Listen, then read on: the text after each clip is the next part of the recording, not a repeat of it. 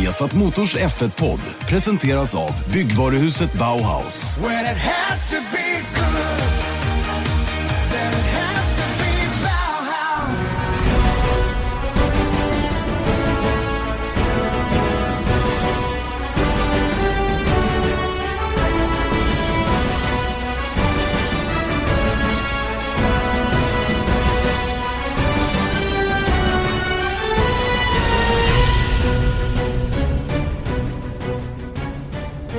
Mycket välkomna ska ni vara till en ny Formel 1-podd. Formel 1-podden som ni alltid hör på Acast, på iTunes eller på viasatsport.se. Denna podd som eh, är inför Italiens Grand Prix på Monza. Oj, här stänger de dörrarna bakom ryggen här. Det är, det är rätt signifikativt för Monza rent generellt. Där. Dörrarna de tar i ungefär halva vägen innan den är stängd med golvet. Mm. Så allting är lite snett, krokigt och det är gammeldags här. Det kan man eh, lätt konstatera. Välkommen Erik Stenborg. Tackar, tackar, tackar. Du sitter ju i ett betydligt modernare rum hemma i Stockholm men eh, det, det, är, det är kul att vara tillbaka på Monza, ingen tvekan. Det är, det är verkligen gammalt. Mm. Gammalt och anrikt, det känns. Det är det. När började 1950 va?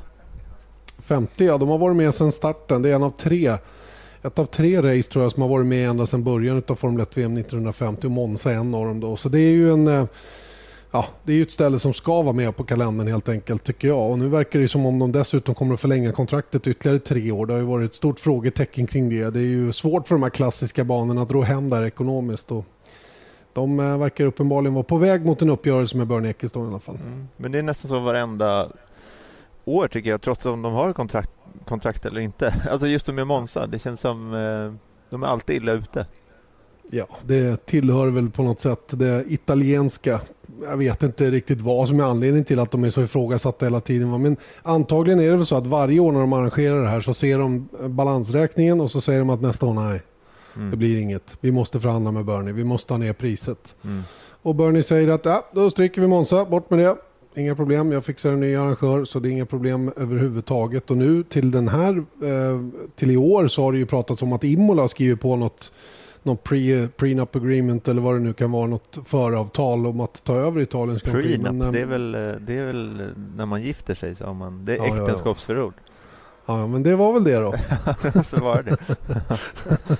kanske var ett äktenskapsförord. Jag ja, vet inte vad det heter. Då. Vad heter det då?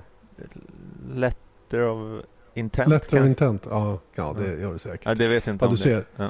Jag, jag, pratar inte så bra engelska, det är därför som det blir på tok emellanåt. Vi börjar bra i alla fall tycker jag. Eller hur? Eller hur?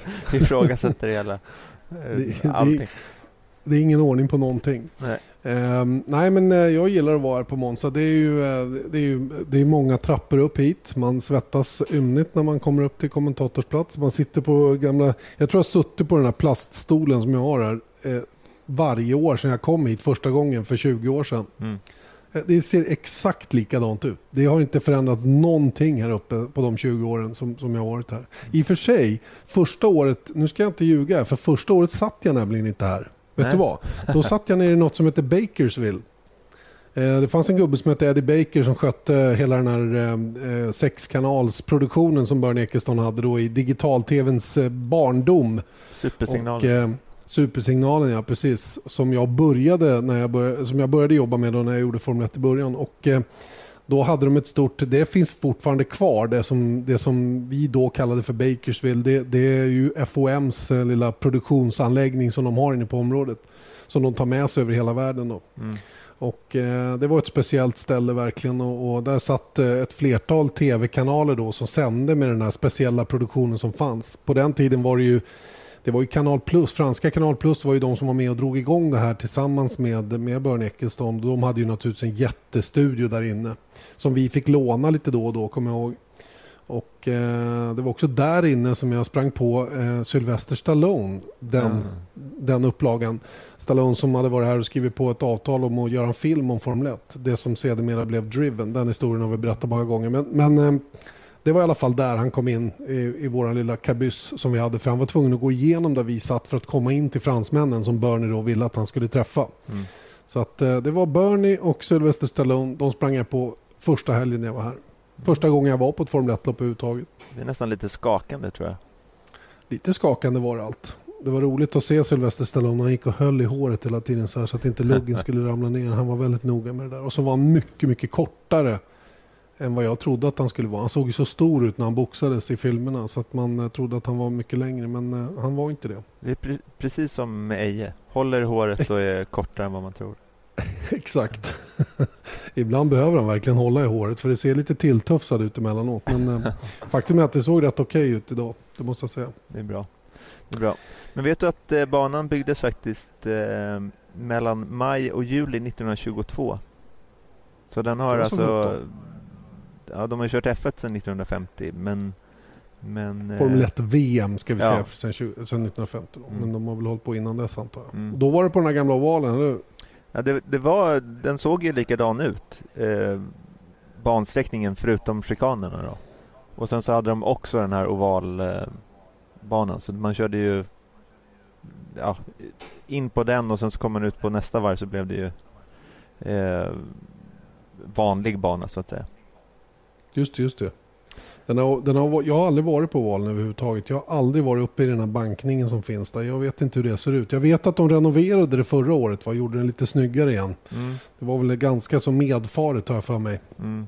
Ja, det var helt stängt där förut. Men nu, man kan ju gå in, om man liksom går ut på start och mål och sen så går man in ja, mot Parabolika så kommer den liksom vid sidan av. Så den är liksom på utsidan av Parabolika.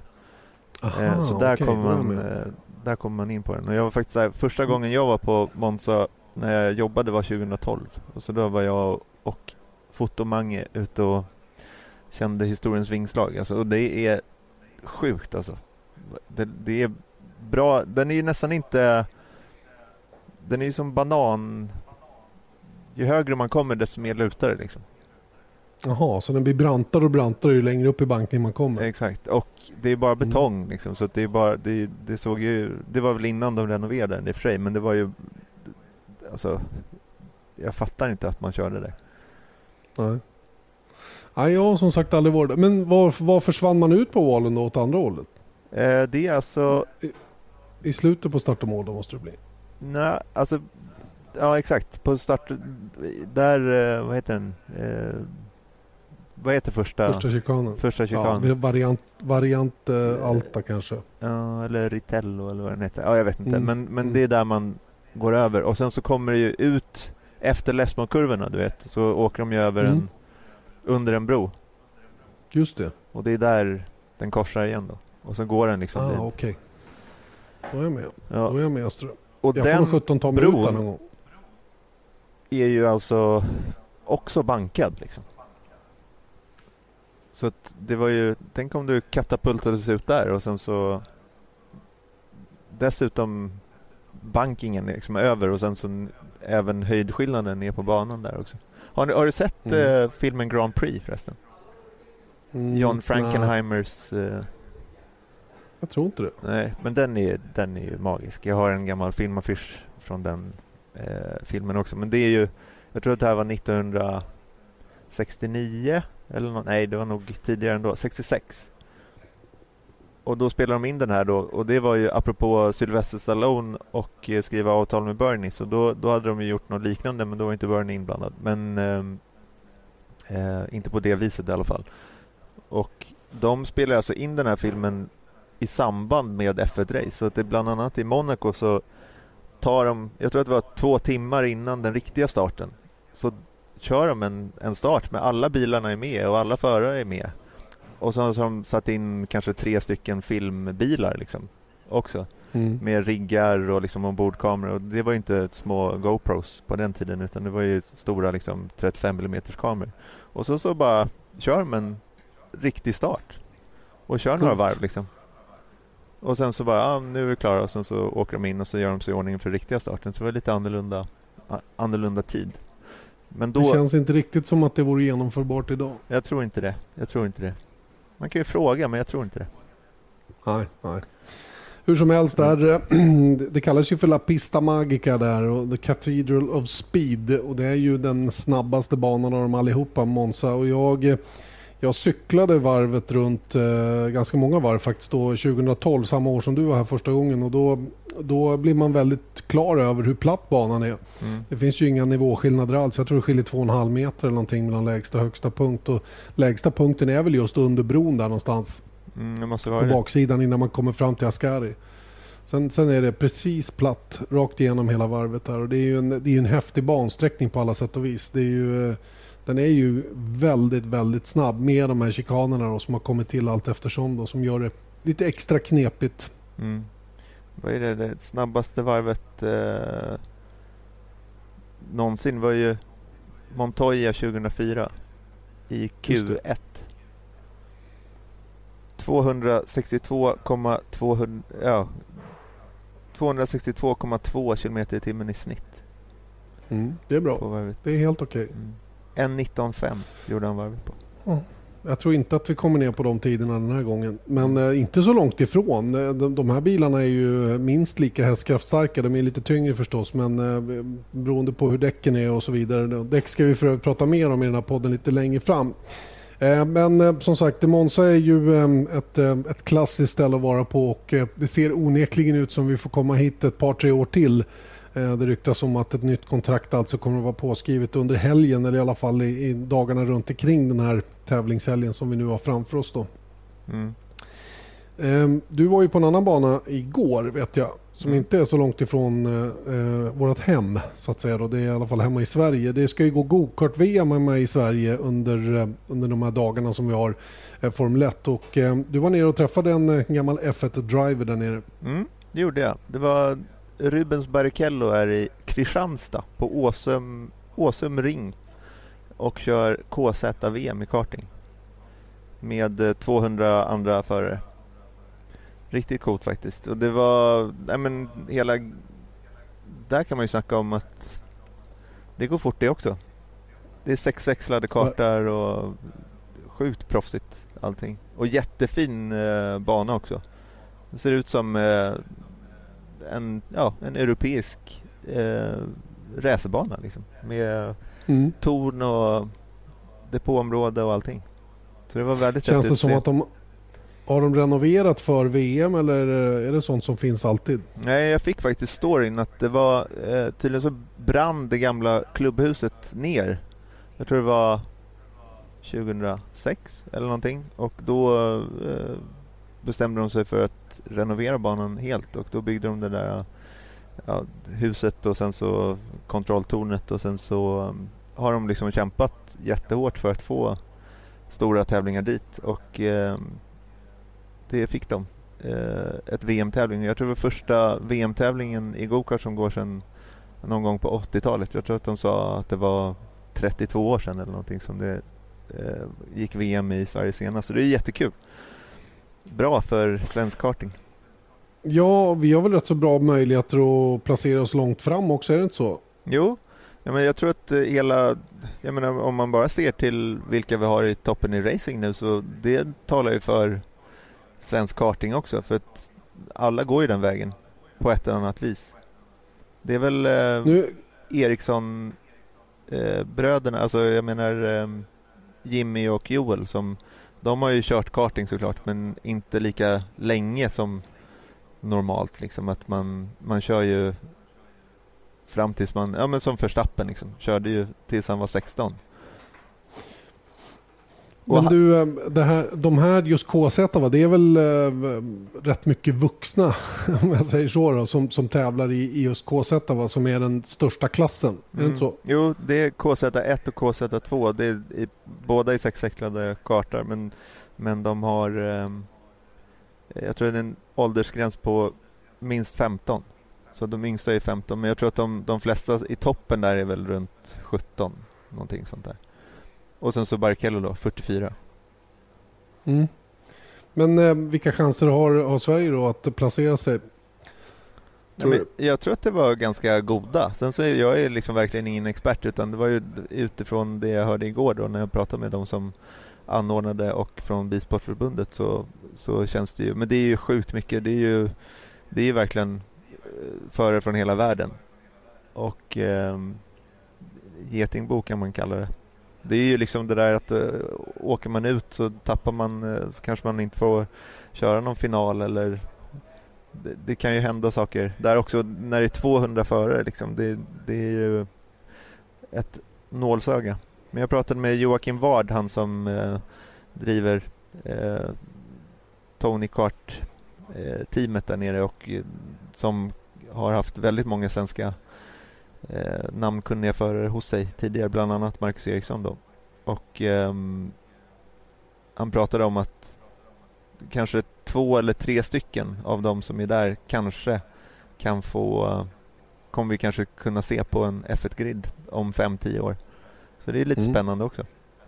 Verkligen. Och svensk vidkommande är det väl Joel Johansson som har störst möjligheter om jag, om jag läser mig då. Han, han har ju bland annat ett EM-guld i KZ2. Mm. Eh, nu har han klättrat upp i KZ1 då, eller KZ då som den heter med ett nytt team då. Så vi får väl se hur långt det kan hur långt det kan räcka på hemmaplan. Men eh, givetvis en, en, ett sånt namn som Rubens Barrichello måste ju dra till sig en massa uppmärksamhet i alla fall, eller hur? Ja, men det var ju det som var, det fick lite pikar faktiskt om att eh, jaha, det krävs en eh, F1-förare för att ni ska komma och göra någonting. Men det, det är ju lite så också. Det kan man inte sticka under stol med. Vi gör ju, Viasat Motor gör ju, eh, sänder ju väldigt mycket eh, racing men det vi liksom gör främst produktion runt är ju F1 och sen så MotoGP.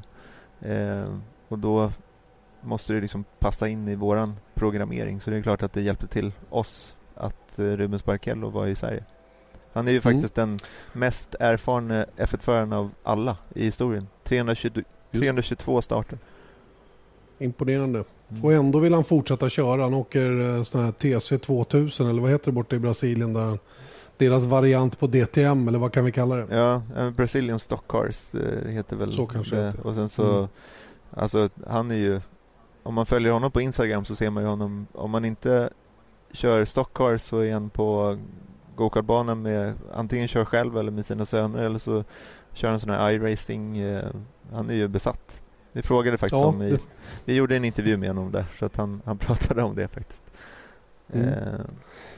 Nej, hela det reportaget kommer på söndag? Yes, yes sir. Bra, det ser vi fram emot. Och bland annat då har vi också Jocke Ward som alltså driver Ward Racing då och har inte bara förare i den här klassen utan han finns ju även med då när eh, man åker det som kallas för OK nu har jag förstått.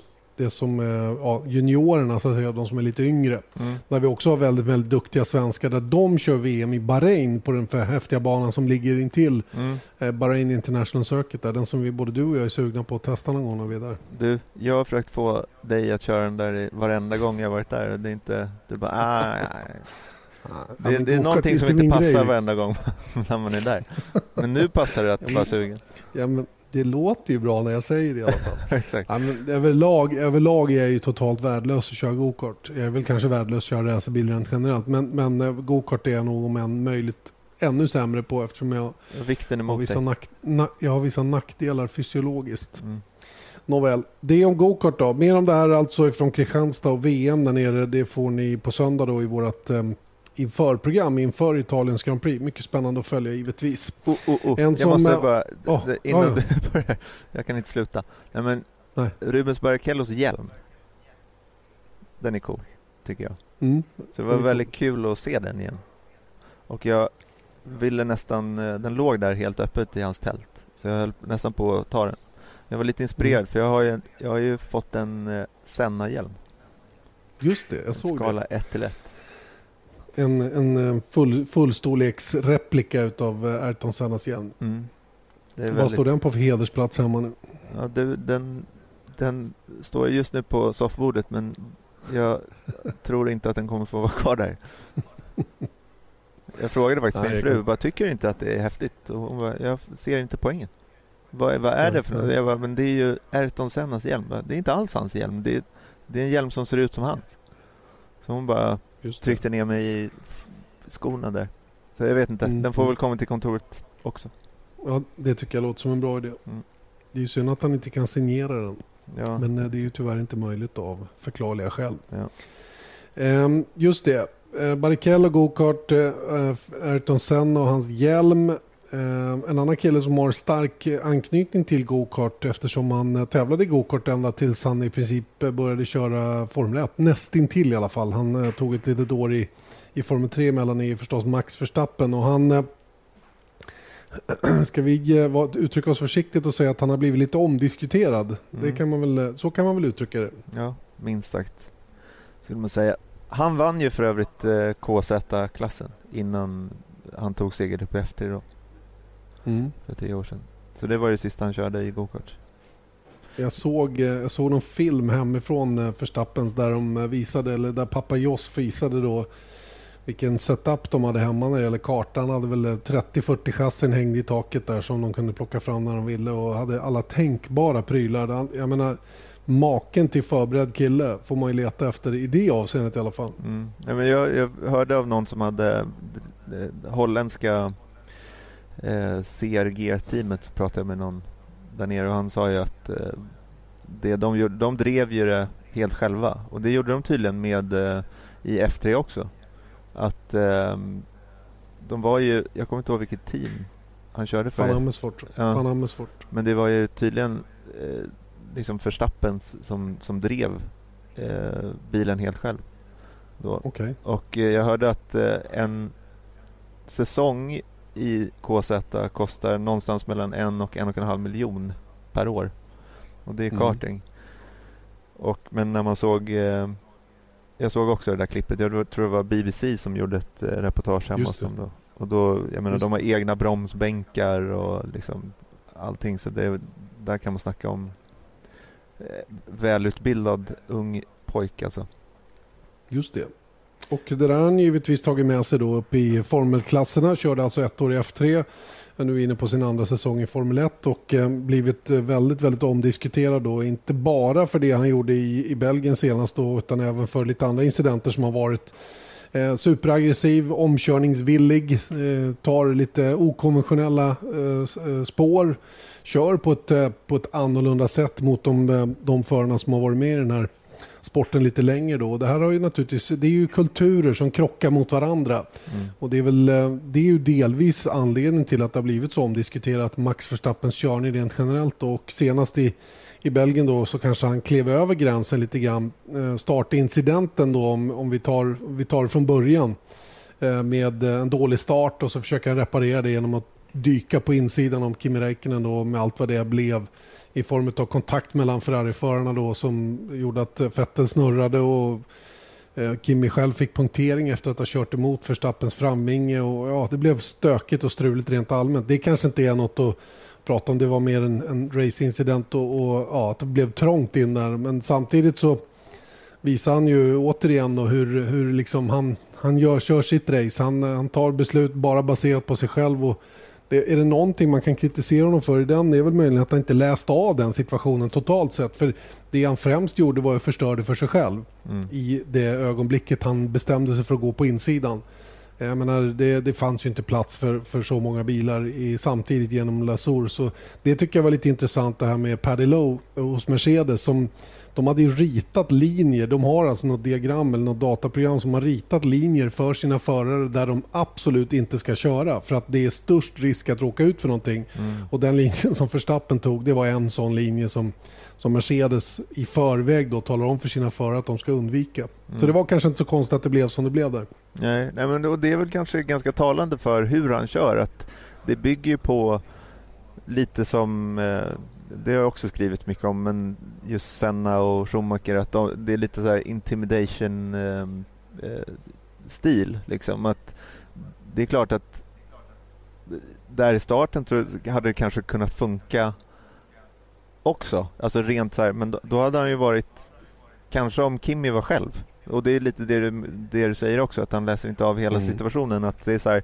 men det är klart att det fanns en lucka där och jag har sett massa som har skrivit om det. Att, men det, var då, det var ju en lucka där och ja, det var en lucka men jag menar problemet var ju att det lyckades ju inte för att jag menar Vettel hade ju ingen möjlighet att sen så kan man ju tycka vad man vill då om att Vettel var ju på utsidan, han kunde ha lämnat Kimi plats. Mm. Och då kanske Verstappen också hade klarat sig men det är ju det, är ju det där problemet i slutändan ändå då att det, det, det, lyckades ju inte. Det är lite som Marcus och Naser där i eh, La Source i, eh, nej, nej, i, i, i Raskas, Raskas. Ja, i Monaco att, jag menar, det fanns en lucka men alltså situationen som, mm. som den var när en förare inte ville släppa förbi honom och allting sånt, det gjorde ju i sin tur att det inte lyckades. Sen så rent isolerat så kanske han hade kunnat gå in där på insidan Verstappen och så, men, men inte som det såg ut i, i verkligheten. Nej, det är, väl, det, är, det är det enda jag känner med den här situationen. Att man, om han nu, för grejen är ju att alla tre hade ju redan bestämt sig för vad de skulle göra. Mm. Och när man väl har gjort det, då är det ju väldigt sent att göra några korrigeringar och ändringar. Och man gör sällan några korrigeringar i startögonblicket för att det är ju bilar överallt. Mm. Och det är ju det som är oerhört viktigt också i en startsituation. Att om om man nu bestämmer sig för någonting, då lär man ligga kvar där. För man kan inte hålla på och vingla i det läget, för då, då smäller det garanterat. Och mm det var snålt om utrymme för, för alla tre inblandade där. Och även om Vettel har massor med utrymme på utsidan så har han redan bestämt sig för att göra det andra. Så då är det liksom inget alternativ att, att vika ut åt sidan där bara för att eh, Verstappen har bestämt sig för att gå innanför, eh, innanför eh, Kimi Räikkönen. Så mm. att, ja. Det är, de, de föll alla tre offer för omständigheterna här. Men som sagt, Max Verstappen sabbade ju främst för sig själv. Han, han fick ett ganska risigt race efter det här och hamnade ju dessutom utanför poängen. Mm. Sen att han var frustrerad, det tycker jag det, resten av det där racet speglade av sig ganska tydligt på hur han körde. Att, att frustrationen lös igenom och han var förbannad, ville inte släppa förbi någon Ferrari. Ehm, och det här fenomenet som, som vi då såg att han, eh, han han tvingar hela tiden den bakom att bestämma sig först. Sen väljer han att stänga eller inte. Mm. Det är ju det som han har blivit så kritiserad för då och speciellt om det sker när man börjat bromsa. Ehm, jag måste erkänna att jag, jag har haft lite fel där. Jag trodde att det till och med stod i reglerna att man inte får mm. flytta sig, byta spår under inbromsning. Men det gör det inte ordagrant i reglementet. Utan Nej. det står att man inte ska köra på ett orationellt sätt. Mm. Eh, och eh, därmed skapa onödiga risker för, för konkurrenter och så vidare. Och Det är väl det man kan kritisera Verstappen för sen. Att köra på det viset i de farterna dessutom. Det kommer förr eller senare att sluta med en allvarlig olycka. Eller en krasch i alla fall där det inte blir några poäng överhuvudtaget och han blir stående i en sandfålla. Så att... Eh, eh, det är, ju, det är ju samma sak där. Det handlar om omdöme, hur man tänker och hur man reagerar instinktivt i de här situationerna. Han, han, är, en, han är en otroligt eh, duktig racerförare men det finns saker att fila på i hans sätt att tänka i situationer tycker jag. Som, mm. Jag tycker det finns saker som, som eh, man kan kritisera honom för verkligen i sitt sätt att köra. Ja, och det är ju det där tycker jag då att just det där att han använder ju reglerna liksom och det är väl lite han, han använder regler som i och med att det inte står att man inte får göra så, då gör han dem. Han använder det liksom till sin egen mm. fördel. Men då kan man ju tycka då att all den här äh, respekten då förare emellan och att liksom undvika olyckor och liksom sunt förnuft äh, det tar han bort från sig själv liksom på något sätt och det är där jag tycker att det känns lite obehagligt faktiskt i, för framtiden att eh, jag menar, ha, någonstans så...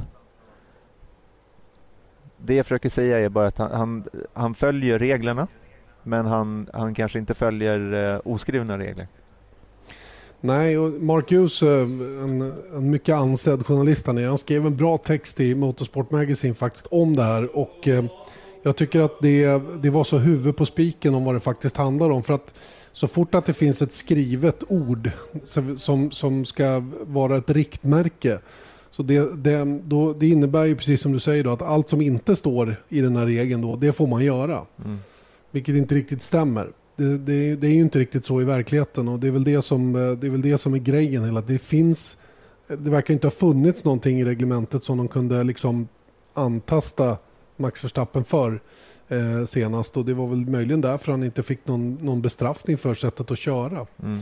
Eh, I alla fall under när han flyttade sig när Kimi väl hade bestämt sig med öppen DRS och över 300 km i timmen på, på Camelrakarna då, då gäller det att man håller sitt spår. Mm. Man får bestämma sig och när den bakom har bestämt sig för att försöka på innen då, då kan man inte stänga.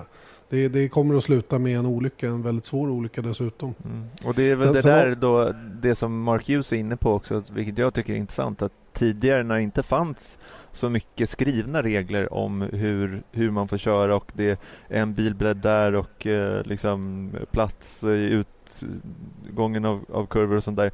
Då följde, då var det ofta mer ren racing i, eh, i eh, Formel 1. Att det, det blev inga sådana att man försökte liksom eh, crowda någon eller liksom sånt som man sett eh, till exempel Nico Rosberg gjorde där som man åkte dit för eh, mot Verstappen då eh, i Tyskland. Tyskland var det Tyskland, mm. ja. Spitzker. Ja, och eh, det, det är liksom det stod i Freir, den specifika händelsen. Där kunde de ju straffa honom för att det stod mm. att man inte får göra så i reglerna. Men liksom...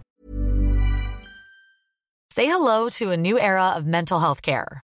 Cerebral is here to help you achieve your mental wellness goals with professional therapy and medication management support. 100% online.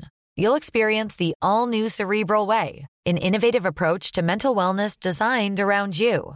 You'll get a personalized treatment plan from a therapist, prescriber, or both in a safe and judgment free space. Your cerebral therapist or prescriber will outline a customized plan with clear milestones along the way so you can get to feeling your best. With Cerebral, you're not alone in your mental health journey. We're here to empower you to live a fulfilling life. So take that first step towards a brighter future and sign up today at cerebral.com slash podcast and use code ACasts to get 15% off your first month. Offer only valid on monthly plans. Other exclusions may apply. Offer ends July 31st, 2024. See site for details. Det är ju det där att det, man tar bort sunt förnuft när man skriver regler. Det blir lite så ja. Och det, men det, sen har vi ju andra, de andra situationerna när Kimi faktiskt var förbi mm. eh, in i, in i Lecombe och, och, var uppe och skulle bara svänga in när, när Max Verstappen överhuvudtaget inte har några som helst planer att lämna något utrymme och själv dessutom missa kurvan. Ja, Där var det gånger. klockrent. Två gånger och det var inte bara mot Kimi, det var mot Perez också tror jag. Ja. Så, som, som eh, det här skedde. Och jag menar, det, det, då, är, då är han ju verkligen, eh, om man inte bestraffar honom för det, då vet inte jag om han någonsin kommer att få någon straff för någonting. Och det är väl det som jag har haft lite synpunkter på att han är ju väldigt curlad. Det kan man väl lätt konstatera i alla fall. Och får mycket saker. Man, allting jobbar för honom så att säga. Även om det är internt i teamet eller nu även som det verkar då även upp hos domarna. Det är inte riktigt okej. Okay, för det, det kommer ju eskalera och det blir ju ett väldigt, väldigt intressant förarmöte idag. Mm. Där säkert en del av de här grejerna kommer att vädras eh, ganska flitigt tror jag. Mm. Det vore spännande att få vara med där och höra vad de, vad de faktiskt har att säga om, om inte Förstappens körning utan mer domarnas bedömning. För det är den jag tycker är tveksam. Mm. Att, att Förstappen gör grejer det är jag inte ensam om. Det är många förare som gör grejer. Hylkenberg var också svajig ner mot Lecombo och stängde och grejade. Så det, det, är fler som gör sådana saker till och från. Va? Men man måste ju då stävja den typen av körning genom att faktiskt agera. Och mm. det kan jag tycka var det, det sämsta med det som var senast i Belgien. Att att vi fick inte ens en notis om att de ens tittade på situationerna och då börjar man ju bli lite orolig om de bara sitter och tittar genom fingrarna på sånt där. Mm. För då kan det bli, då blir det ju anarki på banan och det är väl ingen som är intresserad av antar jag. Nej, alltså, men det, det, jag vet inte. Jag tycker bara att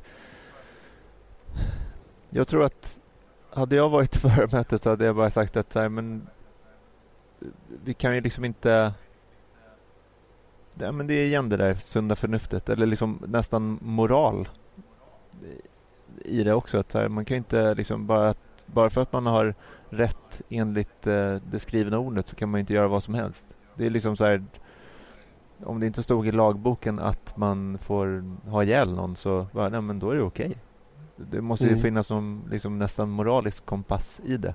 Men det är, samtidigt så det är det är svårt med Verstappen, jag menar jag tänker på publikhavet som fanns där i eh, eh, på spa. Och jag menar han, det är ingen snack om att han är bra för Formel 1 och eh, det är inte bara att han är ung utan det är ju att han kör som han gör som är väldigt publikfriande också. Men det är väl lite det där vi kanske såg det bästa och det sämsta samtidigt hos Verstappen i, i Belgien just. Mm, det är fullt tänkbart. Eh, en annan sak i den här regeldiskussionen så brukar ju Formel 1 många gånger luta sig mot att andemeningen med en regel är si och så. Mm. Och, så har man då, och så har man eh, kunnat säga då att eh, ja, men du bröt mot regeln för andemeningen med regeln är att du ska göra på det här viset istället. Mm. Och det tycker jag man hade kunnat luta sig mot i det här fallet. Mm. I alla fall i det här fallet när det gäller att stänga folk i hög fart upp mot en kurva. Och när det gäller den, den andra förseelsen, att tvinga en förare av banan, så tycker jag det var klockren förseelse. Det var inget snack. Där, där skulle han ha haft en bestraffning, punkt slut bara. Det är ju, om man bromsar ut en kollega eller en konkurrent på det viset han gjorde och själv inte klarar kurvan, då har man tvingat en annan förare av banan. Så är det bara. Mm. Och det, där, där fanns det liksom inga tveksamheter. utan det det är, en, det är en svår fråga och det kommer bli intressant att se vad, för det här är ju en bana här på Monza där vi definitivt kommer att få se den här typen av situationer igen. Här går det ohyggligt fort mm. och det är hårda inbromsningar in i de här chikanerna och folk kommer att eh, med hjälp av DRS komma upp i alla fall jämsides och försöka bromsa sig förbi. Och om man då fortsätter med den taktiken då, då kommer det att smälla på riktigt här. För det här, här är ju ett ställe där det inte är jättemycket plats vid sidan av banan heller utan det kan bli eh, ordentliga smällar faktiskt om, om om det blir den här hjultouchen till exempel, att en bil flyger upp i luften eller vad det nu kan vara för någonting. Det, det kan bli väldigt, väldigt eh, allvarliga konsekvenser. Mm. Och det, det, är ju det, är ju det liksom som är lite obehagligt för att i och med att de inte dömde mot eh, Verstappen i förra helgen så betyder ju det att inte bara att det inte står i reglerna att man inte får göra så, men när man dessutom gör det som Verstappen gjorde nu så betyder ju att det är okej. Okay. De har ju satt ett, eh, en grund där för det. Så då, jag menar, man måste ju nästan fortsätta att göra så då. Ja, vi får se vad som händer. Det är, ju, det är nu det kommer att avgöras, den här helgen tror jag. Mm. Hur, man, hur man väljer att se på de här grejerna och eh, om det kommer några nya direktiv ifrån tävlingsledningen och ifrån domarna. Eh, många tror ju att det, också, att det är Charlie Whiting som, som, som inte gör sitt jobb så att säga. Charlie Whiting, han ser ju vad som händer på banan och de monitorerar precis allt som sker och de har dessutom larmsystem om det är någon som gör överträdelser av något slag. Mm. Hans jobb är ju inte att döma. Hans jobb är att meddela domarna att det här och det här har hänt. Titta på det här. Och sen är det ju då domarnas eh, jobb och eh, den förarrepresentant som finns där att, att titta på en eventuell påföljd eller vad det nu kan bli då. Tidsstraff eller drive-through eller, mm. eller vad det kan vara.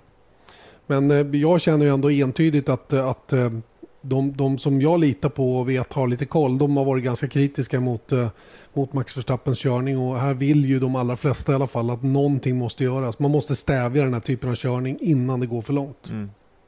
Ja, absolut. Och jag tror att de måste ju säga någonting idag på förmötet minst. Eh, just bara för att säga att det här går inte för sig. Just för att stävja framtiden. Tänk dig liksom 22 förare som håller på så här också. Då, då, då kommer det ju hända någonting också. Och mm. poängen mm. är att om någon voltar i 300 km i timmen då kan det gå riktigt illa och landa på huvudet. Liksom. Mm. Verkligen.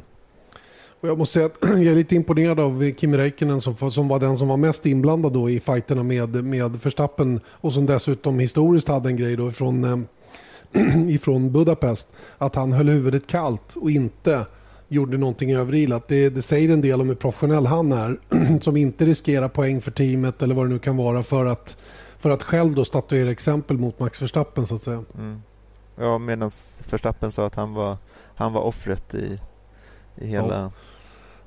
Och det är faktiskt en annan intressant, jag skrev om det i bloggen lite grann, den här taktiken som Verstappens allihopa i gruppen runt honom har haft rent medialt efter det här. De har ju verkligen varit superaggressiva och eh, liksom, istället för att vara undflyende och, och liksom mer eller mindre vilja tysta ner alltihopa eller låta det dö ut så att säga så har de varit superaggressiva åt andra hållet och varit anklagande mot Ferrari och tycker de borde skämmas de båda förarna som förstörde hans race in i första kurvan och så vidare. och så vidare. Mm. Det är också lite ett uh, nytt fenomen att eh, någon så eh, hårdnackat står fast vid sitt så att säga. Då. Eh, trots att jag tror att de är rätt medvetna om vad som var rätt och inte rätt i det där fallet så, så har de ändå liksom inte böjt ner huvudet utan tvärtom bara spottat tillbaka ganska, ganska hårt och tufft. Mm. Ja, verkligen. En anledning att följa racingen på banan denna helg? Mycket, mycket stor anledning till det. En annan sak som diskuterades väldigt mycket senast är ju eh, det här med däcken och eh, däcktrycken. Mm. Ehm, det var ju eh, flera av förarna som aldrig hade kört med så höga däcktryck menar de på. Senast i, i Belgien och de här ballong, ballongeffekten som blir på däcken då när trycket stiger när man väl börjar köra. Att det går över en gräns för vad bilen trivs med så att säga. Då. Man måste göra rätt, rätt stora korrigeringar. Och, och, Det får dessutom effekten att däcken slits mycket hårdare och, och, snabbare med överhettning och allt vad det nu är. Det, det fortsätter att klagas en del på det här. Det var lite intressant eh, replik från Paul Hembry som eh, indignerat sa det att nu eh, måste det bli lite logiskt tänkande från förarna. Mm. Vi, eh, vi, eh, vi, har problem, vi hade problem 2015 med däcken på spa som gick sönder. Vi hade två däckexplosioner. Förarna var väldigt, väldigt aggressiva och klagade på just det fenomenet, att det där kunde hända. Och sen när Pirelli då gör en justering i däcktrycken då för att motverka det här, ja då klagar de på det också. Och det där har Paul Hember lite svårt att få ihop då. För han menar på att vi, vi, våra produkter är ju egentligen inte framtestade på det sättet som de ska eh, testas fram för att, för att eh, hålla riktigt, riktigt bra kvalitet. Och, och eh, det, är ju, det är ju hans motargument till att situationen är som den är. Att de har haft typ en testdag, mm. riktig testdag att, att förbereda sina däck. Och, Ja, det finns ju olika sätt att se på det där också. Pirelli har ju inte varit någon succé kan man väl säga sen de kom in i Formel 1 rent kvalitetsmässigt. Många gånger har ju däcken bjudit på bra race och det har blivit eh, annorlunda och oförutsägbart och allt vad det nu är. Men jag tror inte att jag i alla fall inte upplevt, inte sedan 2005 och debaclet med Michelin i, i, USA så har jag inte varit med om att någon annan däckfabrikant har haft den här typen av problem som Pirelli har återkommande hela tiden med kritik från ena eller andra hållet. Samtidigt så kan jag respektera deras situation att de har en väldigt svår uppgift att lösa med tanke på de önskemål som har funnits kring däcken och att man inte får testa. Det är det som är så konstigt. Man får ju inga moderna bilar att testa däcken med. Och Det är ju samma med de här nya bredare däcken som ska komma nästa år. De, visst, de kör någon sån här mold eh, vad heter det, mule car. Mm. Eh, någon form av eh, interimbil som man använder för att på något sätt simulera downforce-nivåer och, och bredd på bil och sådana saker som kommer nästa år. Men det, det är ju en svår situation det där som, som, är, som måste lösas på något sätt tycker jag. Mm. Ja, men alltså, om, man, om man tar första grejen först så eh, det är igen där, jag, jag, tror vi har pratat om det här 9000 gånger, att varför, nu är det ju som det är. Och att alla fick ju höjd eh, däcktryck. Det var inte bara liksom eh, Grosjean som klagade så mycket under, under fredagen på däcktrycken. Att, och då var det så här, ja men det är ju jättesynd att det är så då. Men, och, eh, men varför gå ut i media och skrika så högt? Visst, de får ju frågan av media, men då tycker jag också att så här, det är som det är bara. Och mm. försök påverka på något annat sätt istället för att eh, liksom jaga upp sig runt det. Jag kan, jag, jag, kan dra ett jättebra exempel. Grosjean är en förare som hade synpunkter på det här. Felipe Massa var en annan. Lewis Hamilton var en tredje. Jag tror att jag tror att de använder media för att på det sättet förklara varför det kanske inte har gått så bra som de hade hoppats. Eh, och att man blir frustrerad över det. Jag har aldrig någonsin under hans relativt sett korta karriär i Formel 1 hört Marcus Eriksson klaga. Inte en enda gång. Nej. Det, det, det, det, det är jättekonstigt att, um, att uh, det är så. Jag, jag fattar inte uh, att vissa känner att de måste liksom vara så jätte, jätte uh, ha sån, vad ska jag säga, de, de klagar så högljutt medan andra säger aldrig någonting. De verkligen böjer ner huvudet och, och, och kör på bara med mm. de givna förutsättningarna. Mm. Ja, men jag, jag, förstår inte heller varför man... Eh, jag tänker från Pirellis sida att, att de säger... Jag tycker verkligen, jag håller verkligen med eh, Paul Hembry i den grejen. Att vara lite pragmatisk. Att så här, nu är det som det är, vi ska försöka lösa problemet men eh, vår quick fix är det här för att det ska hålla ihop. För att jag menar, man vet, det är ju...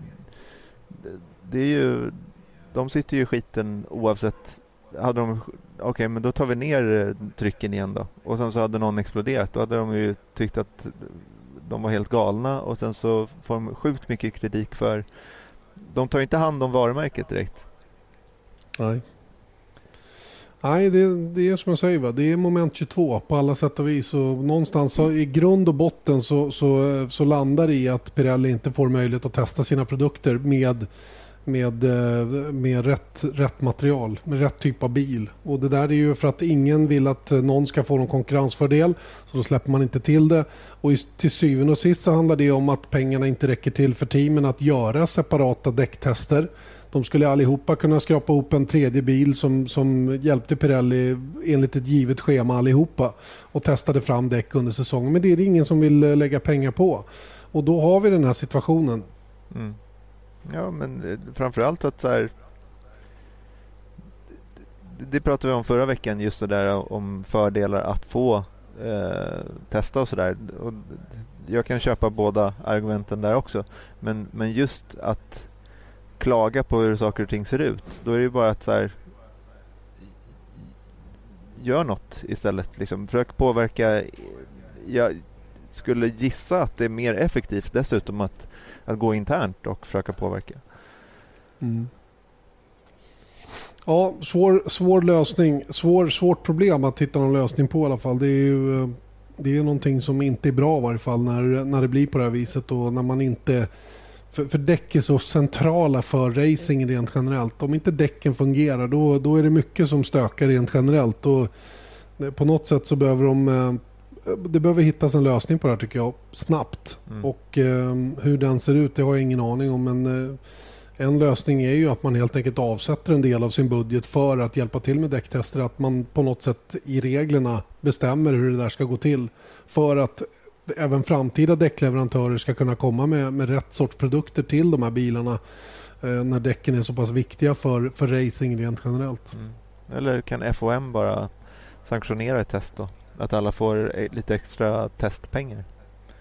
Ja, till exempel. Det finns ja, det är någonting i alla fall. Någon måste ju betala kalaset och Pirelli kan inte stå för notan helt och hållet själva. Det är, då blir ju deras eh, inblandning i Formel 1 inte ekonomiskt försvarbar heller utan någonstans måste hela sporten på något sätt gå ihop och, eh, och lösa det här. Ja. Janne, Nå, ja, än så, en gång. Jag tror att det hade varit bättre om du och jag hade skjutit om det här. Ja men eller hur. Det finns bara ett sätt och det är att låta oss bestämma. Mm. Punkt slut. Så är det. Du, ehm, ja, det ryktas om en liten quiz här också innan vi rundar av. ja, kanske världens svåraste quiz. Okej, okay. jag är idel öra. Eh, vänta, jag måste bara ta fram det också. Jag väntar. Jag kommer alltså, i det här kommer jag bara ge dig en siffra.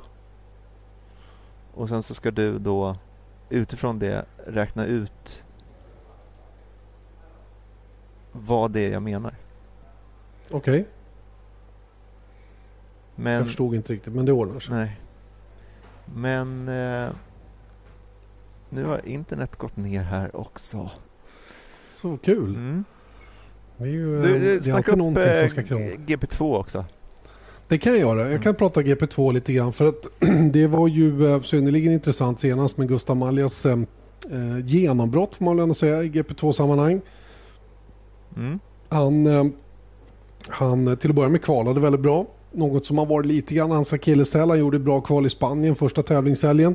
Men sen har det varit lite trögare att, att få till de där riktigt snabba varven. Nu senast så så fick han till det på ett väldigt, väldigt bra sätt och enligt Rickard Rudell då, som, eh, som jobbar väldigt nära med Gustav och har koll på hur han förbereder sig och så vidare så var det någonting som han knäckte där i koden eh, i samband med Ungern, tävlingen i Ungern och eh, det har han burit med sig efter det.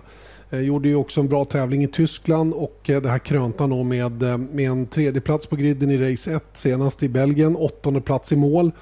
Eh, startade i pole position i andra racet, stod emot 6-7 varv innan Giovanazzi gick förbi. Och man trodde då att eh, han skulle falla tillbaka på ungefär samma sätt som han gjorde i det första racet. Men det gjorde inte Gustav Malja. Han stretade emot riktigt bra. Och eh, det avslutades med, eller belönades med, ska säga, en, en andra plats i mål och hans första pallplats i GP2-sammanhang. Och som sagt, jag tycker det där var det var definitivt eh, eh, hans genombrott på den här nivån och börjar verkligen att visa att han har kvaliteter som gör att han kan vara med och slåss i toppen. Mm. Så att eh, det är, jag tycker det är toppen. Jättekul verkligen och han, eh, det är bara att hoppas att han kan hålla i det här nu och fortsätta visa den här fina farten. Banan här på Monza är ju eh, något helt annat än det vi hade i, i Belgien senast. Det kommer ju vara extremt lite downforce på de här bilarna. Vi har ju sett dem till och med köra utan det övre vingplanet i bak för att uh, ha tillräckligt mycket toppfart här och sådana saker. Jag vet inte riktigt hur de kommer att hur de kommer att eh, ja, göra bilarna körbara så att säga då under, under helgens båda race. Men eh, vi håller verkligen tummarna för att Gustav kan fortsätta att eh, visa bra fart. Vår andra svensk, Jimmy Eriksson, har fortfarande tungt framförallt när det gäller att kvala in bilen. Ehm, ligger där runt eh, de sista startpositionerna i stort sett hela tiden och har väldiga problem att plocka ut det där snabba varvet just i kval. I race tycker jag det har sett bättre ut flera gånger, inte minst då i Budapest där han tyvärr då råkade ut för, eh, för bensinstopp. Men, men i övrigt så har han ju varit um, bättre i race än han har varit i kval. Um, och de, de säger ju själva där nerifrån att det, är Arden lite grann som inte som inte gör bilen bättre så att säga då på lördagarna att man, um, att man får möjlighet att, att, kvala högre upp med hans bil. Då. Så vi får väl hoppas att det lossnar för, för Jimmy Eriksson också vad det lider. Mm, verkligen. We need them. Ja, det gör vi definitivt. Hur går det med internet? Får du fart på det? Ja, jag har fått uh, göra en, en uh, snabb omkastning här så blir det inte de där okay. svåra siffrorna. Uh, men jag har lite frågor. Inte skrivna Bra, av mig. Kör hårt. Kör hårt. Sebastian Vettel blev den då yngsta föraren någonsin som har vunnit ett race i Formel 1 2008 på Monza. Mm. Hur gammal mm. var han? 2008 var han... han var väl 19 eh, år och ganska många dagar tror jag. Oj, oj, oj. Han var 21. Nej! Mm. Debuterade han alltså så tidigt? Okej, okay. ja, ja, men det är 21 år. Det var inte bra. Då var jag inte, jag var inte ens nära. Nej. Eh, Peter Gethin eh, ja. vann eh, 1971 års upplaga av Italiens Grand Prix med bara 0,01 sekunder. Den mm. Eh, minsta marginal, eh, vinstmarginalen någonsin i F1-historien. Vem kom tvåa? Ronny Petrov. Rätt. Ett rätt. Yes. Det var en bil till var inblandad i den här fighten för mig. Det var tre bilar som var ohyggligt nära varandra över linjen där. Ja, om det var Sever kanske? Eller? Ja, eller Chris Amon. Eller Chris jag, jag kommer inte ihåg. Ja. Um... Italiens Grand Prix har körts varje år sedan 1950. Men vad gjorde 1980 års upplaga unik? 1980, det kördes, eh, det kördes, på, det kördes någon annanstans, på Imola tror jag. Två rätt. Bra. Jag tror att du, det här är kan den bästa quizen du någonsin gjort. Ja, jag tror faktiskt det också. Jag ser inte dig genom Skype längre så jag, nej, jag ifrågasätter vet, väldigt Nej, nej, nej, nej inte, jag, jag sitter med inga händer på tangentbordet okay. överhuvudtaget. Okej. Okay. Nu kommer en svår då. Vem Bra. gjorde sin fjortonde och sista Formel 1-start i karriären på Monza för Jordan 19, eller 2004? En gång till, ta det från början. Vem gjorde sin fjortonde och sista Formel 1-start i karriären på Monza för Jordan 2004. 14, 14, 2004. Det, finns, det dyker upp två namn. En irländare och en portugis. Jag tror att det kan vara Ralph Furman eller Thiago Monteiro. Sen är frågan om vem det var. Du har redan fel där. Det var Giorgio okay. Pantano. Pantano, okej. Okay. Gjorde han 14 starter? Okej, okay. ja, ja, ja. Intressant. Han vann väl eh, GP2-mästerskapet här när han, vann, när han blev mästare 2005. Det gjorde han också här tror jag. Mm. I en eh, DPR, David Price Racing. Gick, gick han från... Uh, nej, Formel 3000 måste det varit. Ja, 3000 ja. var det. Nej, det var GP2. Nej, det var GP2. Jag tror det var första året. Nej, det var det inte. För 2005 vann han inte GP2. Nej, han det, var körde, det här var 2004 också. Då han kan ju inte ja, gått det. Ja, nej, mm. precis. Det var nog 2003 då. Ibland ska du bara hålla, hålla munnen stängd, Janne. Jag kanske inte ska säga någonting. Nej. Man ska inte tänka högt. Nej, gör inte det. Nej. Varför bara... mm. eh, ville de eh, främsta brittiska eh, teamen, Cooper, Lotus och BRM, bland annat, eh, varför bojkottade de eh, Italiens GP 1960? Det här är lätt, det här kan du. Driver du med mig? Varför bojkott 1960? Ja, de fick ingen parmesanost till, till, till lunch. Det är rätt. Nej, det är inte rätt. Eh, de eh, eh, raceorganisatörerna hade beslutat att använda bankingen igen Aha, Vilket okej. de brittiska teamen tyckte var för snabb och för eh, ojämn. Så då right. bojkottade de. Två rätt fortfarande. Två rätt. Två av fem.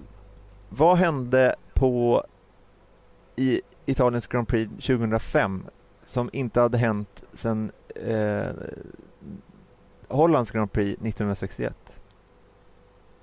2005. Oj. Vad kan det ha varit? Vad kan det ha varit? En italiensk vinnare kanske? Nej, på, jag hade inte Nej, vunnit har någon på, aning. på 34 år. Nej, 44 år. Det, det, Ja. nej, alla bilar gick i mål. Jaha, där ser man. Ingen bröt alltså. Nej, ingen bröt. Mm. Vilken nuvarande förare var väldigt arg och eh, skrek ut att Formel 1 är inte längre en sport efter han hade fått en eh, eh, bestraffning på fem platser eh, för att han hade fem platser eh, på griden för att han hade blockerat eh, någon under 2006 års kval. Fernando Alonso. Ja, rätt. Titta. Tre rätt. Det är bra. Mm, det är känner att jag har ett bra flow nu. Ja. Eh. Vilken förare eh, gjorde en one-off eh, eh, start på Monza 2012 efter att Grosjean hade blivit eh, avstängd efter sin startkrasch i Belgien?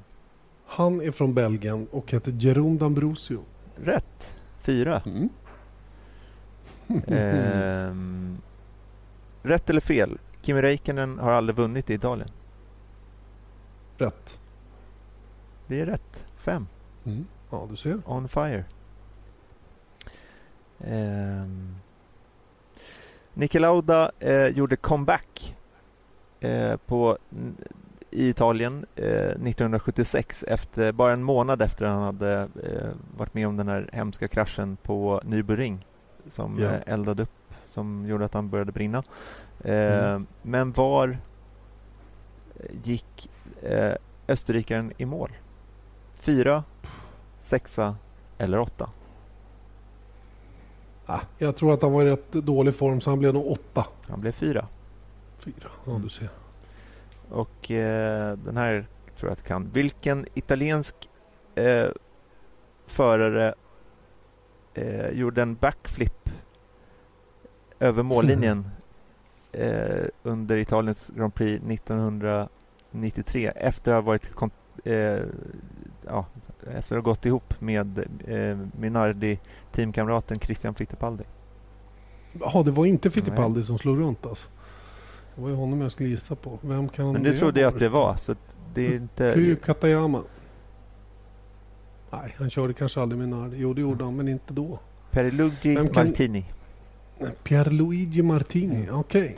Men- Vet du att jag har varit på checkat, jag har varit och grillat hemma hos honom. Ja, på Imola. Eller Mm. nära Imola. Var det inte det? Ja, han bor alldeles ovanför där. Ovanför Tåsa. Men jag, jag var helt säker på att det var Fittipaldi som snurrade. Ja, jag också. Men, eh, Jag också. Ja, vi, Oh, ja. det var ett halvt rätt. ja, bra. Tack. Eh, nu, näst sista. Vilken... Nej, det var ju... Okej. Eh, vilken var den sista eh, Italienfödde föraren att vinna Italiens Grand Prix? Här är lite kuggfråga. Den, den senaste Italienfödde. Mm.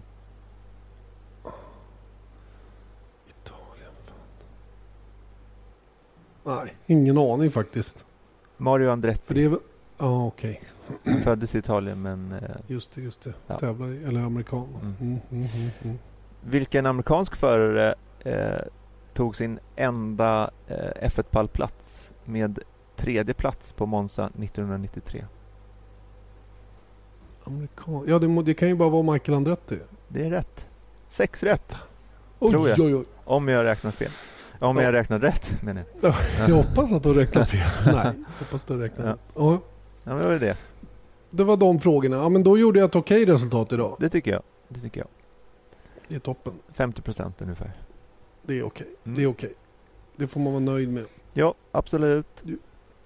Jag kollade på de här bilderna på den här backflippen faktiskt när vi sa det och eh, ja, det är nog kanske så att det var att det var Pierluigi Martini. Men Det här blir ingen bra podcastmaterial när du nej, sitter och kollar på Youtube. Jag, när jag tittar, tittar på bilder. Men det var en cool målgång i alla fall. Ja, det var det verkligen. Mm. Vi visar den på lördag, bestämmer vi här Ja, nu. det är bra. Det är bra. Det är bra. Hörrni, då ska vi inte sitta och babbla länge utan vi eh, tar och rundar av den här podden inför Italiens Grand Prix på Monza och eh, ber er hänga med på våra sändningstider under helgen. Det är ju eh, som vanligt en Europahelg, det vill säga första träningen då fredag morgon klockan 10. Vi startar sändningen 9.55. Andra träningen 13.55 och sen på lördag börjar vi 10.55 med kvalsändningen då som drar igång 13.40. Sen är det då eh, eh, söndagen då där vi drar igång 13.15 precis som vanligt. GP2 15.35 på lördag och eh, 10.20 på söndag är det som gäller då för GP2. Eh, race 1 och race 2 och sen har vi Porsche Supercup då där det är nya tider har jag fått lära mig där vi börjar 11.30 och där racet startar 11.35. Så att eh, det finns eh, mycket att hålla koll på från den här helgen här på Monza eh, i våra kanaler som alltså är Viasat Motor, TV10 delvis då kvalsändningen och sen då förstås på Viaplay. För den som kanske är på VM i karting i Kristianstad och har en bra uppkoppling så kan ni ju fortfarande se Formel 1. Mm. Alltihopa alltså samtidigt. Och vi ska inte heller glömma bort MotoGP från Silverstone. Det ska vi absolut inte göra. Som går på Viasat Sport den här helgen, är det så? Ja, framför allt. Och sen så på söndag då så kommer vi så fort vi är klara med sändningen i, ehm, i ehm, Formel 1 så går vi raka vägen över på MotoGP. Så förhoppningsvis, eh, den, den går såklart på Viasat Sport i alla fall men när vi är klara så kommer vi även gå över eh, på MotoGP, Viasat Motor. Toppen. Det blir bra. Det ser vi fram emot. Då säger vi tack och påtrörande och eh, en ny podd. Det får du om en vecka igen. Tills dess säger vi nu tack och påtrörande. Janne Blomqvist och Erik Stenborg. Vesat Motors F1-podd presenterades av byggvaruhuset Bauhaus.